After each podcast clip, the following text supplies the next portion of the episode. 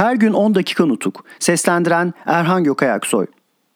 Kazım Karabekir Paşa'nın meclise bir an önce katılmasını isteyenler yaptığımız işlemi bozmaya çalışıyorlar. Baylar, Kazım Karabekir Paşa'nın meclise bir an önce katılması için ivedilik gösterenler yaptığımız işlemi bozmaya çalışmaktan geri kalmadılar. Feridun Fikri Bey ilk olarak ortaya atıldı. Vehbi Bey, meclise katılan bir arkadaşı bir üyeyi görüşmelere katılmaktan herhangi bir kuvvet alıkoyabilir mi? Böyle şey olur mu diye seslenmeye ve paylamaya başladı.'' Sayın Milletvekili ülküdaşını bir an önce mecliste çalışmaya başlatabilme çabasıyla yasa gücünü, onun ezici gücünü ve o gücü ve erki kullanmak için Yüce Meclis'in ve ulusun güven ve inancını kazanmış kişilerin dayanç ve kararlarında nedenli kesin olduklarını unutmuş gibi görünüyordu. İsmet Paşa'nın konuşması bu yaygaraları susturdu. Bu konu üzerindeki görüşme kapandı. Paşalara verilen buyruklar eksiksiz uygulatıldı. Hükümet açıktan ve karşı karşıya savaşmayı kabul etti. Meclis genel görüşmeye geçti. Görüşülecek sorun mübadele, imar ve iskan bakanlığı ile ilgili gen soruydu. Başbakan İsmet Paşa kürsüye çıkarak şu öneride bulundu.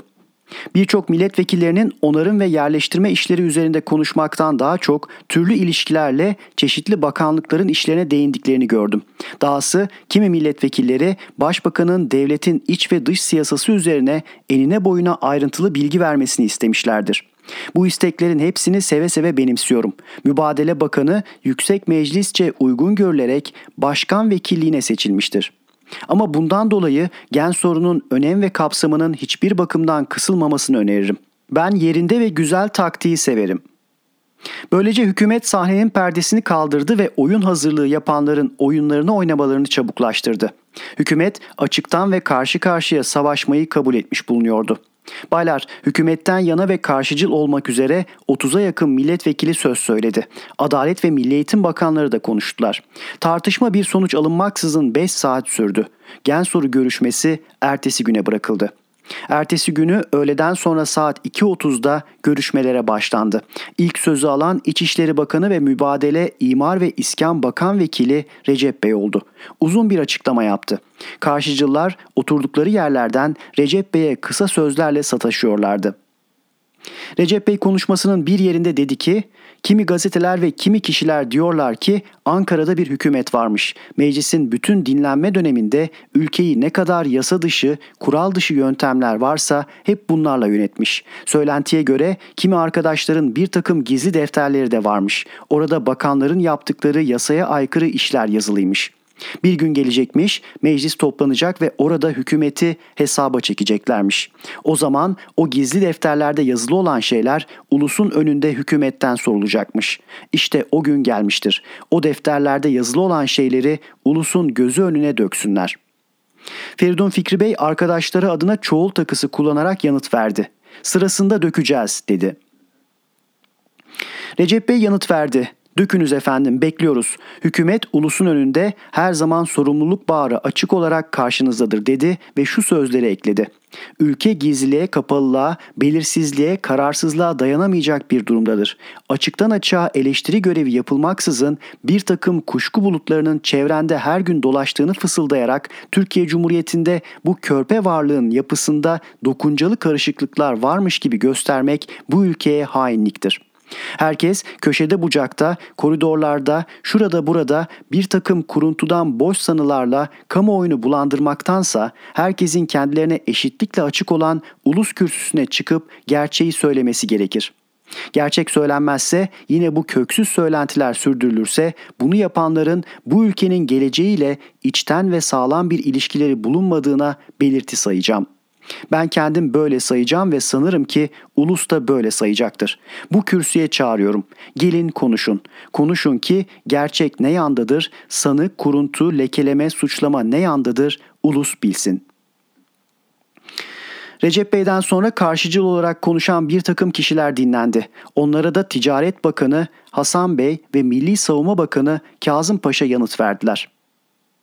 Karşıcıl konuşmak isteyenler arasında Rauf Bey de vardı. Ona da söz sırası geldi. Rauf Bey, İmar ve İskan Bakanlığı ile ilgili soru ve gen sorunun bütün hükümeti kapsayacak biçimde genişletilmesini uygun bulmamakla birlikte Başbakan Paşa'nın bu davranışını yiğitçe buldu ve sözlerinin başında meclis bir kasıt karşısında bulunan hükümete saldırıya geçmiştir dedi. Yunus Nadi Bey anlamadık dedi. Rauf Bey açıkladı. Dedi ki eleştiriciler hükümete karşı konuşurken bilerek isteyerek hazırlanmışlar ve ona saldırıyorlar gibi görüyorum. Rauf Bey konuşanların ağır sözler kullanmamaları, hükümeti küçük düşürecek biçimde konuşulmaması gibi öğüt verircesine ılımlı bir durum takındıktan sonra Feridun Fikri Bey'in önerisine değindi ve onu savundu. Tunceli Milletvekilinin önerisi bir meclis soruşturmasıydı. Bir meclis soruşturması kurulu kurulması için ivedilikle karar alınması isteniyordu. Feridun Fikri Bey'in bununla ilgili bir önergesi ve bu önergenin açık oya konulması için de Feridun Fikri Bey ile birlikte daha 16 arkadaşının başka bir önergesi vardı. Rauf Bey inceleme kurulu diye anladığım bir kuruldan söz edildi. Söyleyen Feridun Fikri Bey'dir dedikten sonra şunları söyledi. Bakanlar böyle bir kurulun kabulünü şimdiye değin saygın olan yurtsal ve ulusal duygulara karşı bir leke ve bir aşağılama saydılar. Yunus Nadi Bey Rauf Bey'in sözünü kesti. Biraz öyle dedi. Rauf Bey de hepimizin yanılmaz olmadığımızı kabul ederek söylüyorum ve bunun gerekli olduğunu ben de ilgili olduğum için herkesten önce ben istiyorum dedi. Cumhuriyet sözünü söylemeye Rauf Bey'in dili varmıyordu. Rauf Bey söz söylerken meclise karşı çok saygılı olduğunu göstermek için de neden aramaya önem veriyordu. Bir yerini getirerek dedi ki bu yüce meclisin koyduğu yasalara kimi sıfatlar takılmıştır. Koridor yasaları değilmiştir. Rauf Bey Yüce Meclis'e saygı gösterilmesini istiyordu. Rauf Bey Yüce Meclis'in Cumhuriyeti kuran yasası karşısında takındığı saygısız durumun unutulduğunu sanmış olacak. Masar Müfit Bey onu ilk önce sayın arkadaşınız muhtar beyefendi söylemiştir dedi. Bu söz Rauf Bey'e konuşma yönünü değiştirttiyse de muhtar bey alındı. Sahip Bey söze karıştı. En sonunda başkanlığın işe karışması ve uyarmasıyla Rauf Bey'in konuşmasını sürdürmesi sağlandı. Rauf Bey döndü dolaştı, en sonunda ilke sorununa dayandı. Tutumumuz, yolumuz sınırsız ve koşulsuz ulusal egemenlik ilkesidir dedi. Yunus Nadi Bey'in sesi işitildi. Cumhuriyet. Rauf Bey yanıt vermedi. Başladığı tümceyi şöylece bitirdi. Ulusal egemenliğin belirdiği biricik makam Büyük Millet Meclisi'dir. Cumhuriyet sesleri bütün meclis salonunu doldurdu. Ali Sahip Bey Cumhuriyet dedi. Rauf Bey Ali Sahip Bey ile konuşmaya başladı. İhsan Bey işe karıştı. Sözleriniz açık değildir Rauf Bey efendi dedi. Rauf Bey Açıktır. Çok rica ederim İhsan Bey efendi dedi. İhsan Bey de pek açık değildir. Uzun süreden beri sizinle anlaşamadık dedi. Rauf Bey İhsan Bey'in yüksek adalet duygusu bulunduğundan, yargıçlık etmiş olduğundan söz ederek dedi ki, suçsuzluk temel ilkedir. Tersi tanıtlanamadıkça yanlardan birini sanık gibi görmek ve onu sanık diye adlandırmak doğru değildir. İhsan Bey yanıt verdi. Gerçeği söylemeyen sanıktan kuşkulanmakta yargıç haklıdır dedi.'' Rauf Bey ile İhsan Bey arasındaki karşılıklı konuşma biraz uzadı. Başkan işe karıştı. Rauf Bey yine konuşmaya başladı. Bakanların görev ve yetkileriyle ilgili bir yasa yapılması anayasada söz konusuydu. Bu yapıldı mı? Bunu soruyorum dedi. Baylar, yasaları meclis yaptığına göre Rauf Bey bu soruyu hükümete değil, kendisinin de üye olarak içinde bulunduğu meclise soruyordu. Rauf Bey Danıştay kuruluşuna değindikten sonra haydutluğun ortadan kaldırılması ile ilgili yasa uygulanmış mıdır? Köy yasası uygulanmış mıdır diye İçişleri Bakanı'ndan başlayarak bayındırlık, ticaret, tarım, milli savunma, adalet, Milli Eğitim Bakanlarına çeşitli sorular sordu. Bütün bu sorularla Rauf Bey'in ulusun ve ordunun dikkatini çekmek istediği anlaşılıyordu. Örneğin Karadere ormanları ile ilgili bir işlem olduğunu basında görmüş, o iş nasıl olmuş dedi. Özverili ve yiğit ordumuzun Kurtuluş Savaşı'ndan sonra savaştan barışa geçişinde büyük bir olgunluk ve düzen gösterdiğini işittik, göğsümüz kabardı. Ama ondan sonraki yedirme, giydirme işlerinde durumun yine öyle düzenli olduğunu düşünüp kabul edebilir miyiz? Bu yönden bizi aydınlatmalarını rica ederiz dedi.''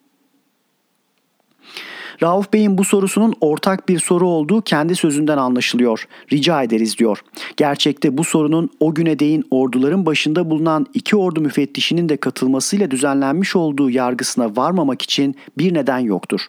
Rauf Bey, adalet örgütündeki değişiklik dolayısıyla yapılan uygulamanın adaleti sağlamak için en uygun yöntem ve biçim olup olmadığını öğrenmek istiyordu. Milli Eğitim Bakanı'ndan da ilköğretim süresinin yasaya aykırı olarak niçin azaltıldığının açıklanmasını istedi.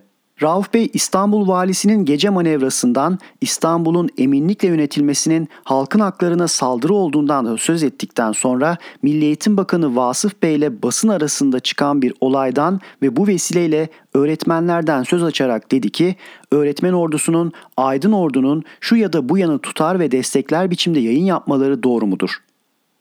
Rauf Bey bunun doğru olmadığını söyleyerek söylevini şu cümleyle bitirdi. Tanrı yurdumu, ulusumu ve hepimizi korusun.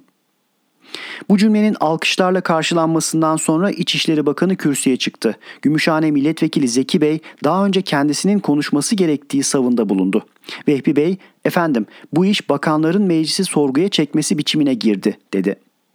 Başkanlık bakanların söz hakkı ile ilgili iç tüzüğü hatırlattı. Recep Bey de çok geniş bir gen soru karşısında bulunan bakanların tüzükle sağlanmış söz haklarını kullanmalarına izin verilmezse gerçeğin belirmesine yardım edilmemiş olacağını söyledikten sonra yöneltilen sorulardan kendisiyle ilgili bulunanlara birer birer yanıt verdi. Konuşması sırasında Rauf Bey'in kürsüye bir öğütçü gibi çıktığını söyleyerek bu meclis ne tam bir sessizlik içinde çalışmak zorunda olan bir okuldur ne de bir bilim akademisidir dedi. Rauf Bey'in kürsüde bugün bile açık konuşmadığına, soruşturma sözünü söylemeyerek Feridun Fikri Bey'in 3 bakanlığın bir yıllık çalışmalarına ilişkin yersiz, haksız, mantıksız, yasa dışı ve hükümet dengesini bozan meclis soruşturması isteğini desteklemekte olduğuna meclisin dikkatini çekti. Feridun Fikri Bey oturduğu yerden Recep Bey'in mantıksızdır dediğine karşı çıktı. Bu sözü geri almasını istedi. Recep Bey geri almıyorum efendim mantıksızdır. Gerçek olduğu gibi söylenir dedi. Feridun Fikri Bey'in mantıksız sözünü kabul etmiyorum demesi üzerine Recep Bey şu yanıtı verdi. Feridun Fikri Bey dedi. Siz daha ağır şeyleri kabul etmeye alışkınsınız. Feridun Fikri Bey, Adalet Bakanı sözlerini geri aldılar dedi. Necati Bey yerinden fırlayarak sözlerimi geri almadım dedi. Biraz gürültü oldu. En sonunda başkan rica ederim gürültüyü keselim dedi. Recep Bey açıklamasını sürdürerek birçok kişilerde defterler varmış demiştim. Şimdi Rauf Bey'in sözlerine göre hazırlanmış sorulardan 10-15 tanesinin silinmesi fırsatını bulacağız. İşte baylar dedi. Defterlerin yavaş yavaş ucu görünüyor. Her gün 10 dakika nutuk. Seslendiren Erhan Gökayaksoy.